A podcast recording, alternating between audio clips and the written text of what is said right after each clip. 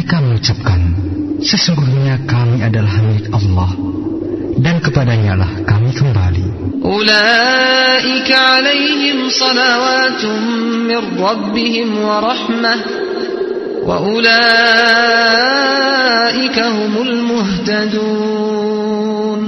Mereka itulah yang mendapat keberkatan yang sempurna dan rahmat dari Rob mereka dan mereka itulah orang-orang yang mendapatkan petunjuk. Assalamualaikum warahmatullahi wabarakatuh. Alhamdulillah wassalatu wassalam ala rasulillah nabiyina Muhammadin wa ala alihi wa sahbihi wa man walah wa ba'd. Ikhwatal Islam rahimakumullah para pendengar radio dakwah ahlus sunnah wal jamaah di mana pun anda berada. Di kesempatan pagi hari ini Alhamdulillah kita dipertemukan kembali bersama Ustaz Maududi Abdullah Hafirullah untuk menyimak kembali kelanjutan dari pembahasan syarah akidah wasitiyah Alhamdulillah beliau sudah terkoneksi uh, via telepon bersama kita semua. Kita akan coba untuk menyapa beliau terlebih dahulu. Assalamualaikum warahmatullahi wabarakatuh Ustaz. Waalaikumsalam warahmatullahi wabarakatuh. Kami ucapkan terima kasih Ustaz Jazakallah khairan atas keluangan waktunya di sela-sela kesibukan antum pada pagi hari ini. Kami persilakan bagi Ustaz untuk melanjutkan materi pembahasan. Falitafadhol masykurah. Bismillahirrahmanirrahim. Assalamualaikum warahmatullahi wabarakatuh. Waalaikumsalam warahmatullahi wabarakatuh. Alhamdulillahi rabbil alamin.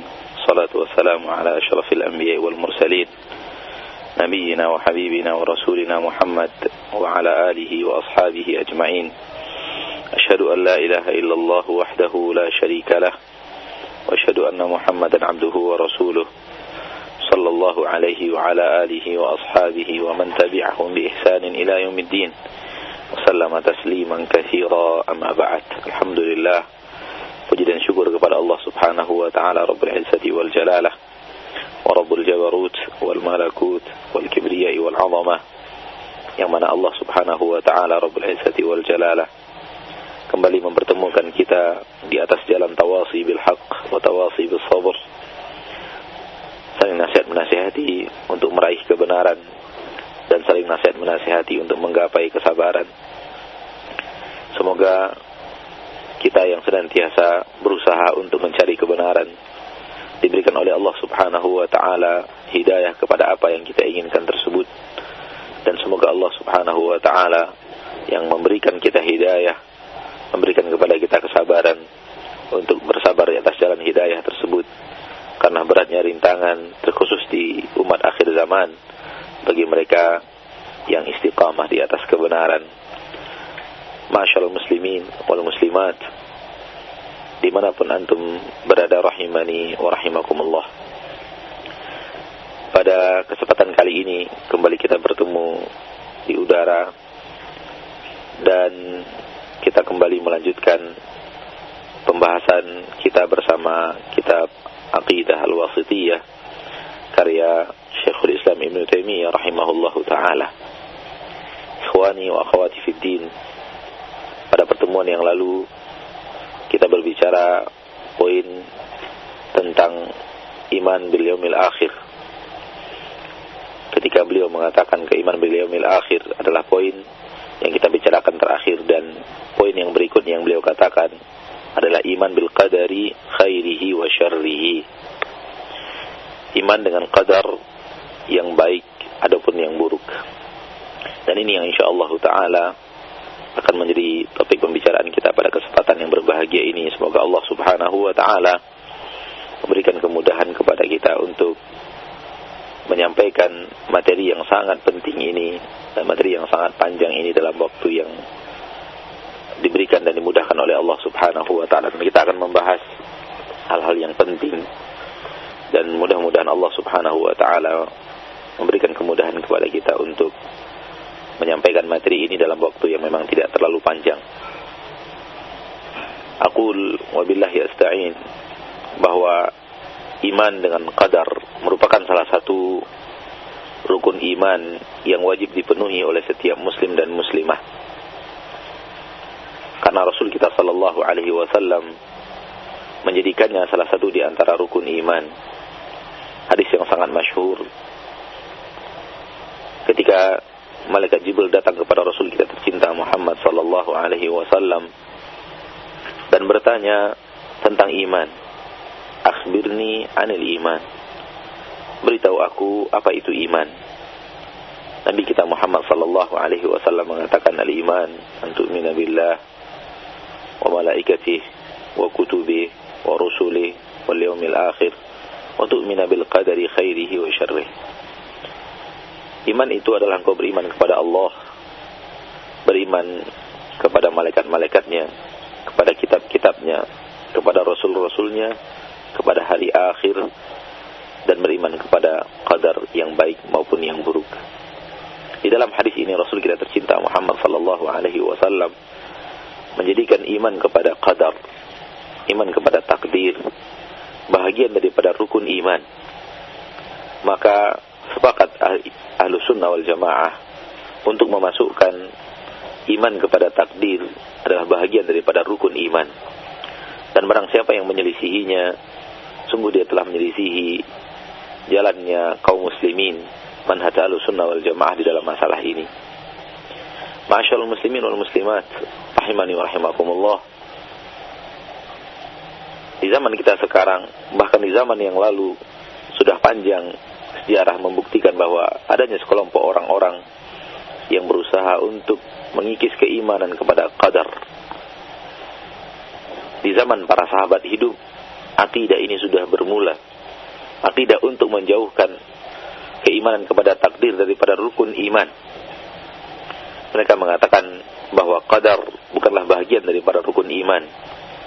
Dan akidah ini bermula dari kota Basrah. Imam Muslim meriwayatkan hadis dari Abdullah bin Umar radhiyallahu taala anhu ketika Abdullah bin Umar sedang tawaf di Ka'bah. Didatangi oleh tabi'in. Dan tabi'in itu bertanya kepada Abdullah bin Umar yang sedang tawaf di Ka'bah tentang sekelompok orang di negeri mereka dari negeri Basrah yang menyatakan Allah qadar bahwa tidak ada iman kepada takdir. Jawaban Abdullah bin Umar radhiyallahu taala anhu beritahu mereka bahwasanya saya berlepas diri dari seluruh yang mereka yakini dan mereka berlepas diri dari apa yang saya yakini dan beritahu mereka bahwa sesungguhnya apabila mereka berinfak emas sebesar gunung Uhud. Namun mereka tidak beriman kepada qadar tidak beriman kepada takdir Allah Subhanahu wa taala maka Allah Subhanahu wa taala tidak akan pernah menerima infak mereka tersebut. Kemudian Abdullah bin Umar membacakan hadis yang panjang hadis yang potongannya telah kita bawakan ketika malaikat Jibril bertanya kepada Nabi Muhammad SAW tentang iman. Dan Nabi SAW memasukkan iman dengan kadar yang baik dan yang buruk kepada bahagian daripada rukun iman. Dalam hadis ini dapat kita ambil kesimpulan bahwa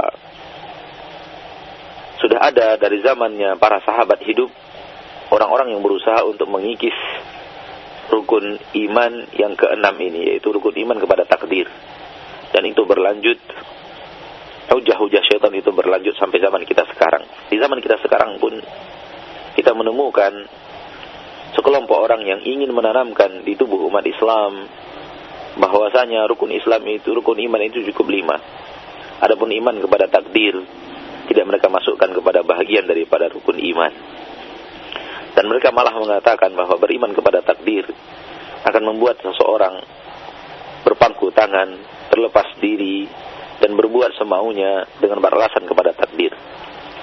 Hal ini kita sayangkan masuk ke dalam barisan-barisan kaum pemuda, kaula muda. Dan pemahaman-pemahaman ini mulai merambat di universitas-universitas. Mereka-mereka yang terdidik untuk mendahulukan akal dibanding syariat yang menjadi sasaran empuk daripada pemahaman untuk mengikiskan rukun iman yang enam yaitu iman kepada takdir.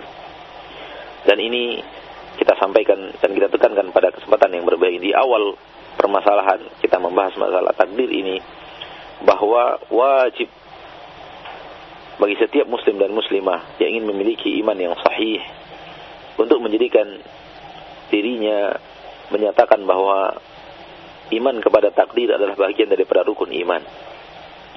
Mereka yang mencoba untuk mengingkari takdir bagian daripada rukun iman berdalilkan dengan Al-Qur'anul Karim. Dan inilah yang sering dilakukan oleh iblis, syaitan dan bala tentaranya ketika ingin untuk menyesatkan umat Islam, mereka berusaha untuk mengambil sesuatu yang ada di dalam Al-Quran, sesuatu yang ada di dalam hadis, untuk meyakinkan umat akan kesalahan yang mereka bawa. Argumentasi yang sering mereka bawa adalah Al-Quranul Karim. Di dalam Al-Quranul Karim, Allah Tabaraka wa Ta'ala tidak pernah menggabungkan rukun Islam yang lima, rukun iman yang lima ini dengan takdir. Allah Subhanahu wa taala selalu berbicara iman kepada Allah, iman kepada malaikat, iman kepada kitab, iman kepada rasul dan iman kepada hari akhir. Akan tapi tidak menyebut bahagian daripada iman ini adalah iman kepada takdir. Memang sahih bahwa apa yang mereka katakan bahwa ayat Al-Quran tidak pernah menggabungkan antara rukun iman yang lima pertama dengan masalah takdir di hukum di rukun iman yang keenam. Akan tetapi Rasulullah SAW menggabungkannya. Nabi kita tercinta Muhammad Sallallahu Alaihi Wasallam menggabungkannya di dalam dalam jawaban beliau kepada malaikat Jibril. Kita malaikat Jibril bertanya tentang rukun iman. Dalam hadis yang telah kita bacakan tadi, akhbirni anil iman, beritahu aku apa itu iman. Rasulullah SAW menggabungkan antara rukun iman kepada Allah, iman kepada malaikat, iman kepada kitab, iman kepada Rasul, iman kepada hari akhir, dan iman kepada takdir yang baik maupun yang buruk. Tidakkah cukup bagi kita, Rasul kita tercinta Muhammad SAW, ataukah kita akan mengatakan bahwa cukup bagi kita Al-Quran dan kita tidak membutuhkan lagi Rasulullah Sallallahu Alaihi Wasallam ini suatu akidah yang sangat keliru, suatu pemahaman yang sangat menyesatkan bahwa umat hanya memegang Al-Quranul Karim dan kemudian membiarkan hadis Nabi Muhammad SAW terbuang dan dicampakkan dalam kehidupannya. Akan tetapi orang-orang yang beriman kepada Allah dan Rasulnya selalu mengambil akidahnya dari kitabullah dan hadis-hadis Rasulullah Sallallahu Alaihi Wasallam. Oleh karena itu kalau antum bertemu dengan orang-orang yang mencoba untuk menanamkan di tengah umat bahwa rukun iman itu hanyalah lima dan iman kepada takdir bukanlah bagian daripada rukun iman maka ketahuilah mereka adalah orang-orang yang memiliki akidah yang sesat dan harus kita tinggalkan dan kita jauhi apa yang mereka ucapkan tersebut. Masyaallah muslimin wal muslimat rahimani wa rahimakumullah. Sering sekali kita bertemu dengan kaum muslimin yang sulit untuk memahami adanya takdir atau salah dalam memahami tentang takdir sebuah tulisan yang telah Allah tuliskan di catatan-catatan lembaran kehidupan yang telah Allah Subhanahu wa taala tuliskan sebelum Allah menciptakan langit dan bumi. 50 ribu tahun sebelum Allah Subhanahu wa taala menciptakan langit dan bumi, Allah Subhanahu wa taala telah menuliskan lembaran takdir. Di sebuah catatan di sebuah catatan yang dalam agama kita disebut dengan catatan Lauhul Mahfuz sebagaimana yang ada di dalam Al-Qur'an. Surat Al-Buruj fi lauhin mahfuz. Tertulis di lauhul mahfuz. Nabi Muhammad sallallahu alaihi wasallam Rabbul Izzati wa Nabi Muhammad sallallahu alaihi wasallam menyatakan bahwa Allah Rabbul Izzati wal Jalalah telah menuliskannya catatan takdir di lembaran-lembaran takdir yang bernama Lauhul Mahfuz. Apa pun yang terjadi sampai datangnya hari kiamat telah tertulis di Lauhul Mahfuz. Inilah keyakinan kita dan inilah akidah kita dan ini akidah yang diajarkan oleh Nabi Muhammad sallallahu alaihi wasallam kepada umat bahwa Allah Subhanahu wa taala menuliskan lembaran-lembaran dengan catatan-catatan takdir dan catatan takdir yang ada di dalam lembaran-lembaran tersebut terjadi seperti apa yang dituliskan oleh Allah Subhanahu wa taala di permukaan bumi. Dan wajib hukumnya bagi setiap muslim dan muslimah untuk mengimani takdir tersebut. Dan barang siapa yang kufur terhadap takdir tersebut maka dia telah kufur daripada rukun iman dan kehilangan satu rukun iman sama dengan kehilangan rukun iman yang lainnya. Nauzubillah min dzalik kita akan dinilai menjadi orang-orang yang kufar. Sehingga Abdullah bin Umar radhiyallahu anhu menyatakan bahwa andai mereka berinfak emas sebesar gunung Uhud, Allah Subhanahu wa taala tidak akan terima daripada mereka. Infak tersebut, dan Allah tidak akan menerima infak dari orang-orang yang kufur. Menandakan bahwa Abdullah bin Umar radhiyallahu taala anhu menilai bahwa tidak beriman kepada takdir yang membawa kita kepada dunia kekufuran. alam kekufuran, bukan alamnya orang-orang yang beriman. Sehingga Allah Taala tidak akan menerima amalan orang-orang yang kafir. Sebesar itu apa yang mereka infakkan di jalan Allah Subhanahu wa taala tidak akan terima karena orang yang tidak beriman kepada takdir adalah orang-orang yang kafir dengan ayat-ayat Allah Subhanahu wa taala. Di dalam Al-Qur'an Allah Subhanahu wa taala berfirman, "A'udzu billahi minasyaitonir rajim. Inna kulla syai'in khalaqnahu biqadar." Sesungguhnya segala sesuatu telah kami ciptakan dengan takdir terdapat dalam surah Al-Qamar ayat 49. Allah mengatakan segala sesuatu telah kami ciptakan dengan takdir. Jadi tidak ada kehidupan kita di permukaan bumi ini yang berlalu tanpa takdir Allah Subhanahu wa taala. Wajib kita tanamkan di dalam hati kita seluruh yang terjadi di permukaan bumi telah ada catatan takdirnya di Lahul Mahfuz. Ma'asyal muslimin wal muslimat rahimani wa rahimakumullah. Yang perlu dan sangat perlu untuk kita tanamkan di dalam akidah kita. Dan di sinilah banyaknya kaum muslimin salah dalam memahami takdir adalah bahwa catatan takdir yang Allah Subhanahu wa taala tuliskan di Lahul Mahfuz itu bukanlah sesuatu yang Allah paksakan kepada manusia Di sini banyak sekali kaum muslimin yang sulit untuk memahami bahwa takdir itu adalah sesuatu yang Allah tuliskan dan bukan paksaan. Karena yang ada di dalam logika berpikir banyak orang, kalau sesuatu telah tertulis, berarti kita tinggal menjalankan apa yang tertulis. Kalau kita tinggal menjalankan apa yang tertulis, berarti kita dipaksa untuk menjalankan takdir. Dan ini yang selalu didengungkan oleh syaitan di dalam hujah-hujahnya kepada benak banyak kaum banyak kaum muslimin. Ini yang selalu dihembuskan oleh syaitan di dalam pikiran banyak orang bahwa catatan takdir adalah catatan yang ada di Lauhul Mahfuz dan semuanya telah tertulis lengkap sehingga kita terpaksa untuk menjalankannya. Ikhwani wa akhwati fid din rahimani rahimakumullah. Tidaklah demikian. Catatan takdir bukanlah paksaan Allah tabaraka wa taala kepada hambanya. Karena Allah Subhanahu wa taala tidak pernah memaksa hambanya untuk menjalankan catatan takdir tersebut. Dengan dalil banyak sekali ayat-ayat di dalam Al-Quranul Karim yang menerangkan kepada kita bahwasanya kita disuruh memilih jalan yang baik atau jalan yang buruk. Dan orang yang memilih jalan yang baik, Allah Subhanahu wa taala mengatakan bahwa itu pilihannya. Dan orang yang memilih jalan yang buruk itu pun karena pilihannya. Bukan Allah subhanahu wa ta'ala memaksanya. Tidak pernah Allah subhanahu wa ta'ala mengatakan di dalam Al-Quran bahwa kita dipaksa untuk menjalankan catatan takdir yang telah Allah tuliskan untuk kehidupan manusia. Oleh karena itu di dalam Al-Quran kita membaca Allah subhanahu wa ta'ala berfirman وَقُلِ الْحَقُّ مِنْ رَبِّكُمْ فَمَنْ شَاءَ فَلْيُؤْمِنْ وَمَنْ شَاءَ فَلْيَكْفُرْ Katakanlah kebenaran datang dari Rabb kalian. Barang siapa yang ingin, hendaklah dia beriman. Barang siapa yang dia ingin, silahkan dia kafir. Ingkar dengan kebenaran yang datang kepada Allah Subhanahu yang datang dari Allah Subhanahu wa taala. Ikhwani wa akhwati fi din rahimani rahimakumullah. Di dalam ayat ini Allah Subhanahu wa taala membawakan iman, membawakan kufur itu tergantung pilihan manusia. Dengan mengatakan faman syaa'a falyu'min wa man syaa'a falyakfur. Barang siapa yang mau beriman, berimanlah. Barang siapa yang mau kufur, kufurlah tegas di dalam ayat ini Allah Subhanahu wa taala menerangkan pilihan kita untuk menjadi orang yang beriman, pilihan kita untuk menjadi orang-orang yang kufur. Itu dikembalikan kepada keinginan manusia apakah dia ingin menempuh jalan yang benar atau dia ingin menempuh jalan yang kufur. Seperti juga yang Allah terangkan di awal surat Al-Insan.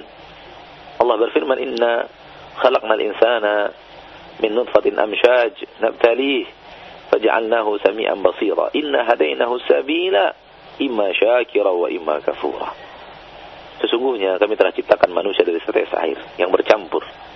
Kami ingin uji dia. Kami ingin uji kehidupannya. Lalu kami jadikan dia orang yang mendengar. Kami jadikan dia orang yang melihat. Inna hadainahu sabil. Kami terangkan kepadanya jalan. Kami terangkan kepadanya jalan. Jalan kebenaran dan jalan kebatilan jalan taat dan jalan maksiat, jalan yang diridhoi dan jalan yang tidak diridhoi oleh Allah Subhanahu wa taala. Kami terangkan kepadanya, ini jalan yang diridhoi oleh Allah Subhanahu wa taala. Ini jalan ketaatan, ini jalan yang harus Anda tempuh. Ini jalan tidak diridhoi, ini jalan adalah jalan maksiat, ini jalan yang harus dihindari.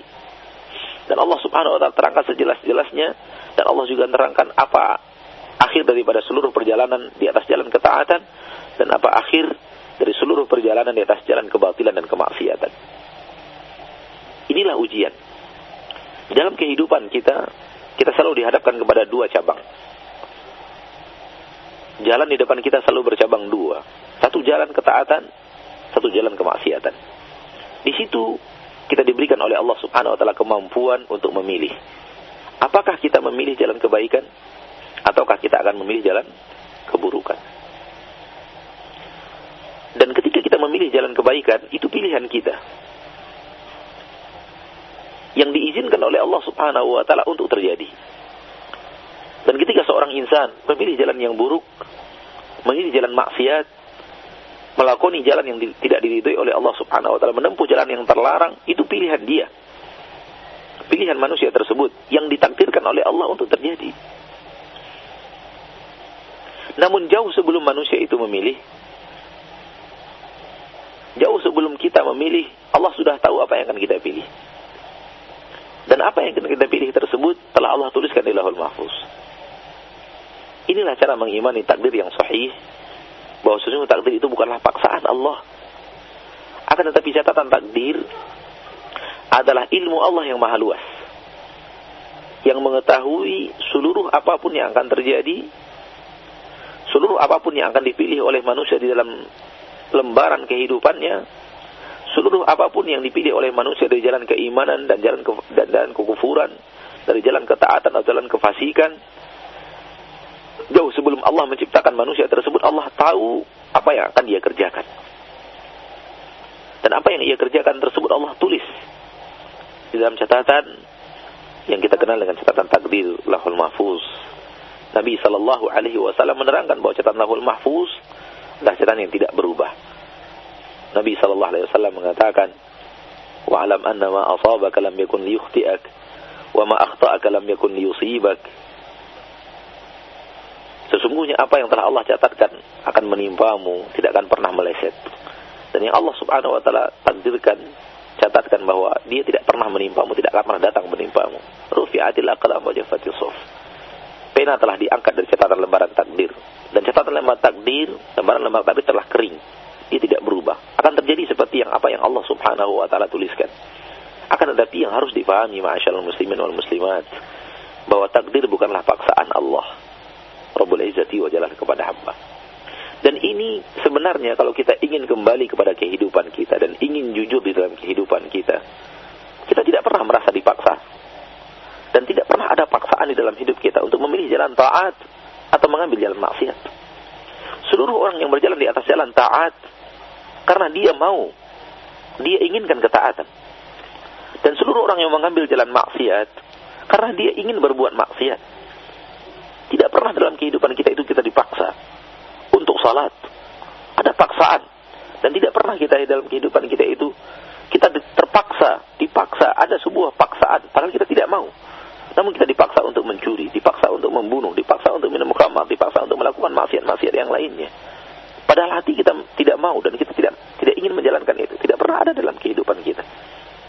Oleh karena itu, hal yang harus dijauhi dalam keimanan kepada takdir adalah ini bukanlah paksaan Allah.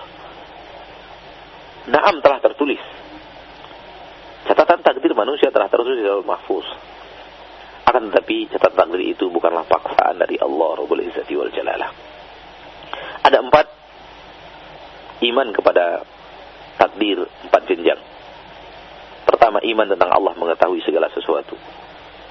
Kemudian iman bahwa Allah subhanahu wa ta'ala telah menuliskan sesuatu itu dalam catatan lembaran takdir. Kemudian iman tentang masyiah. Keinginan Allah bahwa itu akan terjadi. Baru kemudian kejadian tersebut akan terwujud di permukaan bumi. Dan tapi ini pembahasan yang panjang. Kita cukupkan dengan membantah keyakinan kebanyakan orang bahwasanya takdir adalah paksaan Allah kepada manusia untuk menjalankan sesuatu yang telah Allah tuliskan. Mungkin dalam bahasa Simpel saya akan anak akan mengatakan kepada kaum muslimin dan muslimah di mana pun antum berada rahimani rahimakumullah yang harus dijauhi bahwasanya kita meyakini dan merasa bahwa catatan takdir itu bagaikan uh, skenario seorang sutradara yang harus diperankan oleh pemerannya dengan cara terpaksa dia memerankan itu. Bukan seperti itu catatan takdir dan harus dijauhi iman yang seperti itu kepada takdir. Iman kepada takdir Allah Subhanahu wa taala berangkat dari ilmu Allah yang maha luas. Kemudian ilmu Allah yang maha luas itu mengetahui segala sesuatu yang terjadi, sesuatu yang akan kita pilih dalam kehidupan kita walaupun kita belum pernah memilihnya. Namun Allah maha mengetahuinya. Kemudian Allah menuliskan itu dalam kita lembaran catatan takdir. Dan kemudian setelah itu manusia melakukannya dengan keinginan. Allah subhanahu wa ta'ala mentakdirkannya dengan keinginannya dan terjadilah kejadian itu di saat waktunya terjadi dan tidak akan pernah berbeda apa yang terjadi itu dengan apa yang ditulis oleh Allah subhanahu wa ta'ala catatan lahul mahfuz dan Allah tidak pernah menzalimi hambanya. Allah subhanahu wa ta'ala tidak pernah menzalimi hambanya. Pemaksaan seorang hamba untuk berbuat maksiat adalah tindakan kezaliman. Pemaksaan seseorang untuk berbuat maksiat, kezaliman. Dan orang yang dipaksa tidak berhak untuk diadab. Orang yang dipaksa ma'asyal muslimin wal muslimat tidak berhak untuk diadab. Illa man ukriha wa qalbuhu mutmainnun bil iman. Kecuali orang-orang yang terpaksa, yang dipaksa sementara hati masih tetap di atas keimanan. Habis dosanya. Tidak ter, tidak tidak tidak tidak terkena dosa orang yang terpaksa melakukan suatu. Akan tetapi ketika catatan takdir ini bukanlah paksaan, maka maksiat seorang hamba ditanggung oleh hamba itu. Seandainya dia adalah paksaan Allah seperti yang diyakini banyak orang, seperti yang diyakini oleh banyak kaum muslimin, maka kita akan menempelkan label kezaliman kepada Allah Subhanahu wa taala. Padahal Allah telah berfirman wala yuzlimu rabbuka ahada. Rabbmu tidak pernah menzalimi siapa pun. Dua hal ini sering sekali menjadi sesuatu yang membuat iman kaum muslimin salah. Pertama mereka sulit untuk meyakini segala sesuatu telah ada catatan takdirnya. Sementara Allah mengatakan segala sesuatu telah ada catatan takdirnya. Kullun fi kitabim mubin. Seluruh yang terjadi di permukaan bumi telah ada dalam sebuah kitab yang nyata. Telah tertulis. Wala rabbin wala yabisin illa fi kitabim mubin. Tidak ada yang basah dan yang kering kecuali semuanya tertulis di Lauhul Mahfuz. Dan Nabi sallallahu alaihi wasallam mengatakan seperti hadis yang telah kita bacakan tidak ada sesuatu yang akan menimpamu kecuali telah Allah tuliskan dan tidak akan menyeleweng itu. Dan tidak ada sesuatu yang tidak menimpamu kecuali telah Allah tuliskan dan tidak akan salah tulisan Allah Subhanahu wa taala terhadap kehidupan seorang hamba.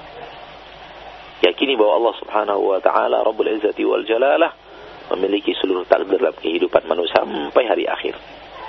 Dan yakini bahwa Allah Subhanahu wa taala tidak memaksanya kepada manusia akan tapi itu adalah pilihan manusia itu sendiri dan kemudian manusia itu sendiri yang memilihnya namun Allah Subhanahu wa taala dengan ketentuan yang mengizinkan pilihannya itu terjadi. Oleh karena itu orang yang memilih jalan iman berhak untuk mendapatkan pahala. Berhak untuk mendapatkan sesuatu kebaikan karena dia telah berusaha untuk meniti jalan yang benar. Dan orang yang memilih jalan maksiat, Allah tidak zalim ketika mengadabnya. Allah subhanahu wa ta'ala tidak zalim ketika menyiapkan neraka dan dan segudang adab yang ada di dalamnya untuk menghadap orang-orang yang berbuat maksiat. Kenapa? Karena itu pilihannya. Dan Allah telah terangkan sejelas-jelasnya apa yang akan terjadi apabila dia memilih jalan keimanan dan apa yang akan terjadi di saat dia memilih jalan kebatilan. Masyaallah muslimin wal muslimat rahimani wa rahimakumullah. Seluruh orang yang saleh di permukaan bumi, saleh itu adalah pilihannya. Dan dia secara kemampuan sebenarnya mampu menjadi orang yang tidak saleh. Tapi dia sengaja meninggalkan jalan yang tidak saleh karena dia tahu ini jalan yang dimurkai oleh Allah, karena dia tahu ini jalan yang, yang dibenci oleh Allah Subhanahu wa taala dan dia berusaha untuk selalu menempuh jalan kebaikan. Dan itu perjuangan melawan hawa nafsu, menundukkan godaan, menghindarkan rintangan-rintangan, menghadapi cobaan-cobaan dan dia bersabar atas cobaan tersebut karena dia ingin menempuh jalan yang diridhoi oleh Allah Subhanahu wa taala. Maka Allah pun turunkan rahmat dan nikmatnya kepada orang-orang seperti ini. Demikian juga halnya dengan orang yang berbuat maksiat. Pilihannya untuk berbuat maksiat, keinginannya untuk berbuat maksiat dan keinginan untuk menjauhi jalan ketaatan. Hati yang tidak mau untuk bergabung bersama orang-orang yang beriman, rukuk dan sujud. Bermunajat dan beristighfar, memohon ampun kepada Allah Subhanahu wa taala, menjauhi jalan-jalan kebatilan dan kemaksiatan. Bahkan dia jadikan jalan kemaksiatan adalah sebagai suatu hobi, sebagai suatu kebiasaan, sebagai suatu tren, sebagai suatu pergaulan. Waliyadzubillah. Dan orang-orang seperti ini bukan tidak mampu menjadi orang saleh, mampu, namun karena tidak mau.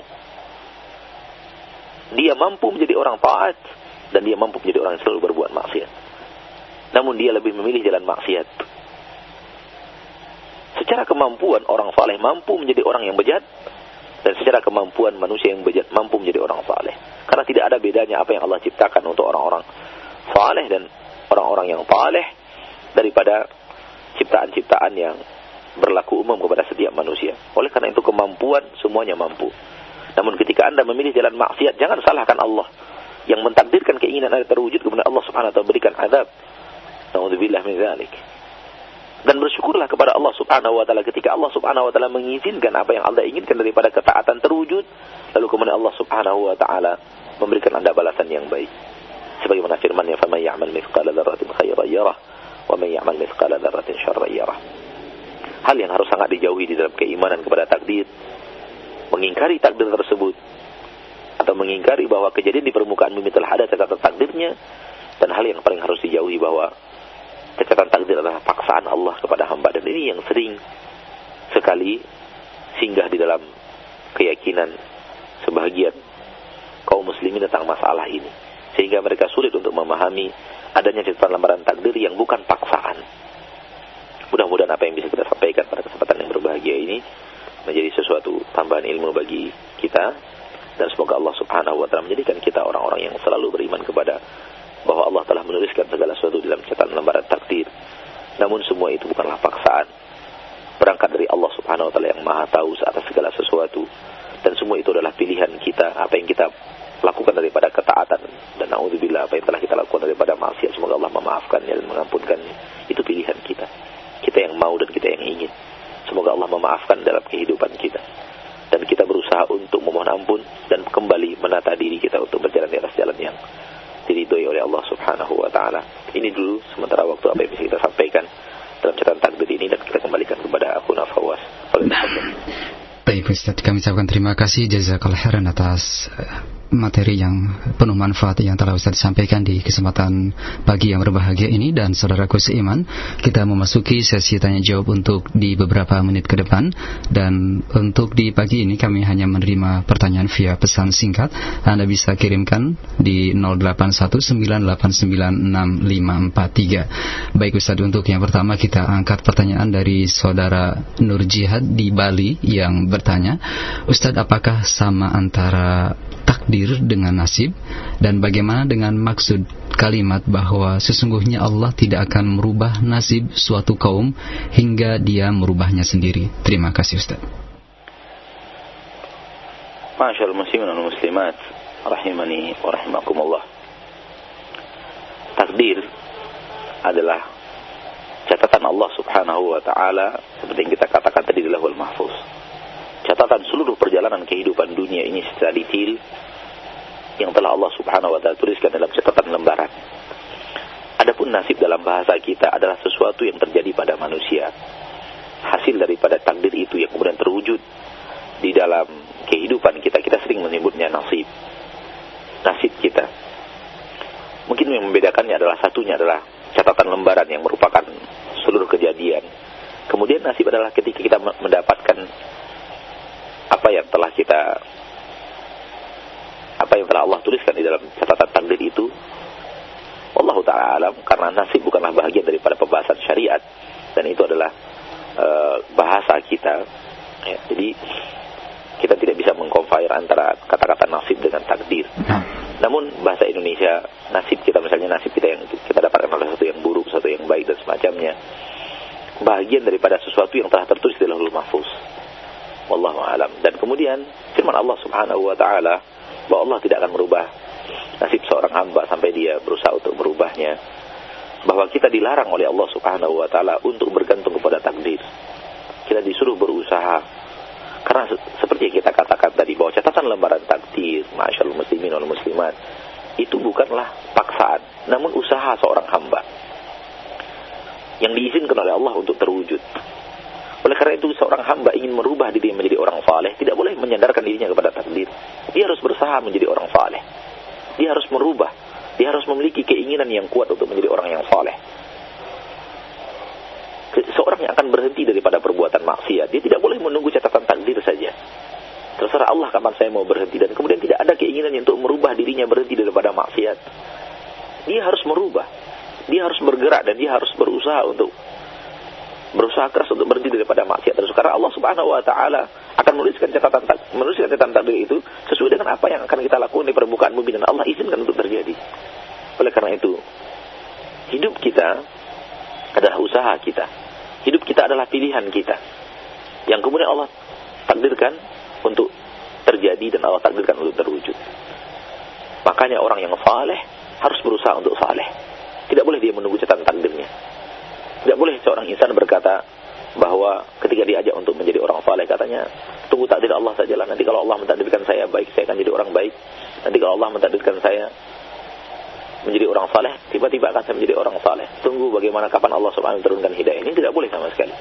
Karena Allah subhanahu wa taala mengatakan ayat tadi inna Allah la yughayyiru ma biqaumin Allah tidak akan merubah apa yang terjadi pada satu kaum hatta yughayyiru ma bi anfusihim. Sampai dia merubah apa yang ada pada dirinya. Harus bermula dari usaha keinginan karena apa pun yang kita pilih, ma'asyarul muslimin dan muslimat, itulah yang tertulis di dalam mahfuz ketika Allah izinkan untuk terjadi. Oleh karena itu kita harus memilih jalan kebaikan dan tidak tidak, tidak menunggu sesuatu dari langit saja. Kita berdoa dan Allah kita ingin Allah Subhanahu wa taala menggerakkan hati kita, namun kita harus dimulai dari usaha keras untuk berjalan di atas sesuatu yang diridhoi oleh Allah Subhanahu wa taala. Wallahu a'lam. Terima kasih atas jawabannya dan ini adalah jawaban juga untuk beberapa pertanyaan yang disampaikan oleh pendengar melalui pesan singkat yang lain. Dari uh, saudara Abdullah untuk yang kedua di Bekasi yang bertanya via pesan singkat, Ustaz bagaimanakah dengan orang yang terlahir yang ditakdirkan lahir dari keluarga kafir? Apakah Allah akan tetap memasukkannya ke dalam api neraka apabila uh, tetap dalam kekafirannya padahal dia tidak pernah memilih untuk dilahirkan dari keluarga kafir Ustaz. Nah. Masyaallah muslimin wal muslimat, hal seperti ini sering ditanyakan oleh kaum muslimin dalam pembahasan takdir. Akan tetapi ada sesuatu yang kurang dari pemahaman yang tadi yang harusnya kita tambahkan yaitu memang Allah Subhanahu wa taala yang telah mentakdirkannya lahir di keluarga kafir. Di keluarga yang tidak beriman kepada di, di keluarga yang uh, tidak Islam. Lahir dari seorang ayah yang tidak muslim dari seorang ibu yang tidak muslimah apa pun jenis agamanya selain agama Islam namun tambahkan tambahkan di dalam permasalahan ini suatu hal yang kalau kita tambahkan itu insya Allah kita mengerti dan tidak suuzon kepada Allah subhanahu wa ta'ala yaitu Allah berjanji untuk menerangkan kepada manusia jalan. Wahadainahu najdain dalam surah Al-Balad. Kami tunjukkan kepadanya jalan. Dua jalan. Jalan kebaikan dan jalan keburukan. Siapa pun manusia di permukaan bumi ini. Yang terlahir, walaupun terlahir dari keluarga muslim, walaupun terlahir dari keluarga yang tidak muslim. Allah subhanahu wa ta'ala mengatakan wahadainahu najdain ini hukum umum yang ada dalam agama kita. Allah menunjukkannya jalan kebenaran dan jalan keburukan. Baik dia seorang muslim, lahir dari keluarga muslim, Allah juga tunjukkan kepadanya jalan ini jalan yang benar, ini jalan yang akan menyampaikan Anda ke ridho Allah Subhanahu wa taala. Ini jalan yang buruk. Demikian juga halnya ketika dia lahir dari dari keluarga yang non muslim. Allah juga akan menyampaikan kepada dirinya dengan cara yang Allah inginkan dengan cara yang Allah Subhanahu wa taala takdirkan akan sampai kepadanya insyaallah taala bahwa inilah jalan kebenaran. Inilah jalan yang sahih. Dan inilah jalan keta jalan kefasikan dan inilah jalan yang yang keliru. Ketika dia lebih memilih jalan orang tuanya yang tidak muslim, pilihan dia. Karena Allah telah menunjukkan jalan yang benar kepada dirinya. Dan itulah yang tadi juga kita bacakan di awal surah Al-Insan, "Inna hadainahu sabil." Sesungguhnya kami menunjukkan kepada manusia jalan. Kami tunjukkan kepadanya jalan itu. Dan Allah Subhanahu wa taala berjanji untuk menerangkan kepada manusia mana jalan yang benar, mana jalan yang salah. Dan itu terwujud kepada seluruh manusia muslim atau tidak muslim. Illa masya Allah. Kecuali orang-orang yang Allah subhanahu wa ta'ala kehendaki. Dan itu sangat minim sekali dari manusia-manusia yang hadir. Terutama di negeri yang mayoritas muslim seperti kita sekarang. Bukan karena dia berasal dari keluarga non muslim atau tidak. Namun Allah berjanji untuk menerangkan jalan mana yang benar, mana yang salah. Ketahuilah ma'asyarul muslimin. Tidak sedikit orang-orang yang berada di atas jalur non-Islam, dia sadar bahwa jalurnya itu salah. Dia tahu persis bahwa apa yang dia yakini ini bukanlah datang dari pencipta langit dan bumi. Betapa seringnya kita berdialog dengan mereka. Lalu kita bertanya tentang agamanya, dia tidak yakin dengan agamanya. Betapa seringnya kita mendengar itu. Akan tetapi hawa nafsunya, keinginannya untuk malas meninggalkan agama nenek moyangnya, lebih didahulukan itu dibanding mengikuti kebenaran. Dan betapa seringnya orang melihat agama Islam luar biasa hebat. Luar biasa sempurna. Tapi dia lebih mendahulukan agama orang tuanya. Jadi tambahkan di dalam keyakinan kita ini bahwa walaupun dia terlahir dari keluarga non-Islam, non-Muslim, Allah berjanji untuk menerangkan kepada manusia itu jalan. Dan setelah itu dia yang memilih. Dia yang memilih. Apakah dia ikuti jalan kebenaran yang telah Allah terangkan? Mungkin melalui teman, mungkin melalui sahabat, mungkin melalui media-media informasi yang ada sekarang. Allah berjanji menerangkan kepadanya mana jalan yang benar, mana jalan yang salah. Jadi permasalahannya bukan terlahir dari muslim atau tidak muslim. Dan betapa juga sebaliknya terjadi. Terlahir dari keluarga muslim, akhirnya dia memilih jalan yang batil. Akhirnya dia memilih jalan yang yang yang yang kafir. Karena hawa nafsunya yang dia perturutkan karena keinginannya untuk meraih dunia yang dia uh, targetkan. Dia pilih jalan yang batil. Karena padahal dia tahu itu jalan yang batil. Maka tidak ada ubahnya kalau orang yang lahir dalam keluarga yang non muslim dia tahu mana jalan yang benar. Apakah dia mau meninggalkan kebatilannya? Agama nenek moyangnya setelah dia mengerti jalan yang benar dia diarahkan oleh Allah Subhanahu wa taala pengetahuan bahwa ini adalah benar. Janji Allah. Sehingga Allah tidak pernah menzalimi. Wallahu taala alam. Ini yang harus kita tambahkan di dalam keyakinan tersebut. Allah berjanji untuk menerangkan jalan yang benar yang mana dan jalan yang batil yang mana. Wallahu alam. Taib. Terima kasih Ustaz Kelahiran dan kita angkat masih dari pesan singkat dari saudara Isni di Tambun dan uh, saudara Rafli di Jakarta yang bertanya hal yang berkaitan. Ya Ustaz Barakallahu Fik, masih ada keraguan dan kebingungan dalam diri kami berkaitan dengan apa yang Ustaz sampaikan tadi bahwa catatan takdir bukanlah paksaan dari Allah Ta'ala Apakah berarti manusia dalam hal ini mempunyai andil di dalam takdirnya? Bagaimanakah Ustaz memahaminya dengan benar? Sementara Allah Subhanahu wa taala telah uh, menakdirkan kita uh, 50 ribu tahun yang lalu dan sudah ada ketetapan kita di surga atau di neraka. Jazakallah khairan Ustaz. Kepada saudara atau saudari kita yang bertanya, Barakallahu fiik. Inilah yang sebenarnya ingin kita tadi sampaikan karena waktu yang memang terbatas kita mengatakan bahwa jangan pahami bahwa takdir itu paksaan. Jangan pahami bahwa takdir itu paksaan. Fahami bahwa takdir itu adalah ilmu Allah yang maha luas. Ilmu Allah yang maha luas, yang maha mengetahui segala sesuatu. Sehingga sebelum kita memilih, Allah sudah tahu apa yang akan kita pilih. Dan Allah subhanahu wa ta'ala yang maha tahu tentang apa yang akan kita pilih. Dari awal sampai akhir kehidupan kita. Menuliskan itu di, di catatan takdir. Kalau seandainya kita meyakini bahwa catatan takdir adalah paksaan Allah. Berarti kita meyakini bahwa seluruh orang yang berbuat maksiat. Allah memaksanya untuk berbuat maksiat. Layakkah ini kita yakini untuk Allah? Layakkah kita meyakini bahwa Allah memaksa hambanya untuk berbuat maksiat? Padahal Allah subhanahu wa ta'ala selalu melarangnya. Di dalam Al-Quran. Rasulullah SAW diutus untuk melarang manusia berbuat maksiat.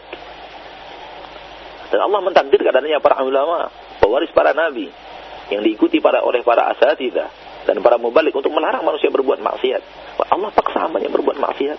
Allah memaksa hambanya untuk melakukan suatu hal yang yang dibenci oleh Allah Subhanahu wa taala. Lah, tidak seperti itu kita memahaminya. Kalau kemudian manusia itu terpaksa berbuat maksiat, lalu kemudian dia diazab, tidakkah ini zalim artinya? Kita tempelkan kezaliman kepada Allah Subhanahu wa taala. Manusia tidak memiliki kemampuan apa pun, dia hanya dipaksa berbuat maksiat, setelah itu diazab. Dia tidak ingin berbuat maksiat, kemudian dipaksa berbuat maksiat, kemudian diazab. Padahal di dalam takdir Allah, di dalam di dalam syariat Allah Subhanahu wa taala yang terpaksa itu tidak akan terbeban dosa. Orang yang tidak berdosa tidak berhak untuk diazab. Dari sini fahamlah kita bahwasanya Sesungguhnya kehidupan kita tidak pernah dipaksa oleh Allah untuk berbuat maksiat. Sebagaimana kita tidak pernah dipaksa untuk berbuat taat. Kapan kita, masyaallah muslim terus kepada saudari kita atau saudara kita yang bertanya, kapan anda itu melangkah ke masjid dipaksa oleh Allah? Anda sebenarnya ingin melangkah ke sebuah tempat maksiat, tapi karena dipaksa dalam takdir, Anda akhirnya melangkah ke masjid. Begitu juga sebaliknya. Kapan seseorang dia sebenarnya ingin sekali melangkah ke masjid dan kakinya ingin diarahkan untuk melangkah ke masjid. Namun karena catatan catatan takdir telah ada, dia pun terpaksa kakinya tidak bisa tidak bisa melangkah ke masjid, dia hanya bisa melangkah ke tempat maksiat. Tidak pernah ada. Seorang orang yang ke masjid pilihannya untuk datang ke masjid. Seluruh orang ke tempat maksiat pilihannya untuk pergi ke tempat maksiat. Bukan paksaan. Dan tidak pernah kita dipaksa dan tidak pernah kita kita berbuat sesuatu yang dipaksa oleh Allah Subhanahu wa taala ketaatan dan kemaksiatan. Dan dalam kehidupan kita coba lihat. Kita ingin ini dan kita ingin itu. Kita ingin ini dan kita ingin itu. Kita yang melakukannya. Akan tetapi jauh sebelum kita ingin. Akan tetapi jauh sebelum kita memilih. Akan tetapi jauh sebelum yang kita pilih itu terjadi. Allah izinkan terjadi. Allah telah tahu dan telah mengerti. Karena ilmu Allah yang maha luas dan Allah tuliskan di Lauhul Mahfuz oleh karena itu kembali permasalahan ini kita katakan bahwa manusia memiliki keinginan Allah berfirman di dalam surat Al-Muddathir wa ma tasha'una illa ayyasha Allah Tidaklah hai manusia itu berkehendak melainkan Allah Subhanahu wa taala juga berkehendak Rabbul alamin. Jadi Allah Subhanahu wa taala mengatakan manusia memiliki kehendak. Manusia memiliki pilihan. Manusia memiliki keinginan. Baik keinginan itu untuk taat atau keinginan untuk berbuat maksiat. Dia yang ingin berbuat taat dan dia ingin untuk berbuat maksiat. Dia yang ingin, bukan bukan bukan paksaan dari Allah Subhanahu wa taala. Ketika dia memilih jalan taat, pilihan dia. Namun jauh sebelum dia memilih Allah telah menuliskan di lauhul mahfuz bahwa pilihannya hari ini adalah ketaatan. Dan ketika manusia memilih jalan maksiat, pilihan dia yang Allah takdirkan untuk terjadi. Dan jauh sebelum dia memilih, Allah telah takdirkan juga di lauhul mahfuz. Allah telah tuliskan di lauhul mahfuz. Karena Allah maha mengetahui pilihannya, bahwa hari ini dia memilih maksiat. Dan di akhir kehidupannya, akan Allah subhanahu wa ta'ala perhitungkan berapa maksiat dan berapa ketaatannya. Sehingga dengan itu dihukumkan oleh seorang untuk surga atau neraka dan itu telah tertulis di Lauhul Mahfuz. Jadi sekali lagi bahwa hindari dalam pemahaman kita catatan takdir adalah paksaan Allah. Kecuali hal-hal yang ada di dalam kehidupan kita yang memang kehidupan itu ada sebagian kecilnya bukan pilihan kita seperti musibah datang dan yang lainnya tidak kita inginkan itu adalah di luar di luar pembahasan tapi mayoritas pilihan kita antara maksiat dan taat adalah pilihan kita. Maksiat adalah pilihan kita. Nauzubillah min taat adalah pilihan kita. Sehingga orang yang berbuat taat ketika pilihannya adalah taat berhak untuk mendapatkan kemuliaan dari Allah Subhanahu wa taala dan orang yang memilih jalan maksiat berhak untuk diadab oleh Allah dan Allah tidak zalim ketika mengadab hamba-hambanya yang memilih jalan maksiat. Allah a'lam. Baik Ustaz, satu pertanyaan terakhir saja di kesempatan pertemuan kita dari Umu Dika di Subang yang bertanya, Ya Ustaz, jika kita tertimpa musibah atau ujian seperti rasa sakit atau kepayahan yang dialami oleh jiwa dan badan kita, kemudian kita menangis Ustaz karena ujian tersebut, apakah dengan demikian kita e, berkurang keimanan kita atau rasa atau keimanan kita kepada Allah terhadap takdir yang kita e, alami atau bagaimana Ustaz? Mohon nasihat dari hal ini jazakallah khair. Ikhwani wa akhwati fi mana pun antum berada rahimani wa rahimakumullah. Menangis ketika musibah datang adalah fitrah manusia. Oleh karena itu di dalam agama kita tangisan dan kesedihan di dalam dada diizinkan ketika musibah datang. Karena ini adalah fitrah manusia. Namun tidak boleh kita mengucapkan kata-kata yang menentang takdir Allah. Ya Allah, kenapa engkau cabut nyawa orang tuaku? Ya Allah, kenapa engkau bunuh anakku? Ya Allah, kenapa? Tidak boleh. Kalimat harus kita kontrol. Hati kita berusaha untuk tidak membangkang dan membantah takdir Allah Subhanahu wa taala yang telah berlaku dalam musibah yang datang hari ini. Yang datang pada saat ini tidak boleh kita kita memiliki hati yang menentang takdir Allah dan kemudian protes terhadap takdir Allah Subhanahu wa taala dan tidak boleh kita mengucapkan kata-kata yang membantah takdir Allah Subhanahu wa taala. Izin dari Allah Subhanahu wa taala ketika musibah datang adalah hati yang bersedih dan air mata yang menangis. Nabi Muhammad SAW ketika anak beliau Ibrahim meninggal, Nabi SAW menangis. Dan para sahabat bertanya, Nabi mengatakan, Innal qalba yahzan, wa innal aina tadma' wa la naqulu illa ma yurdi rabbana. Hati bersedih, mata mengeluarkan air mata. Akan tapi kita tidak akan pernah mengucapkan kata kecuali apa yang membuat Allah Rob kita ridho. Jadi soal bersedih, soal air mata mengalir ini fitrah manusia dan diizinkan ketika musibah datang.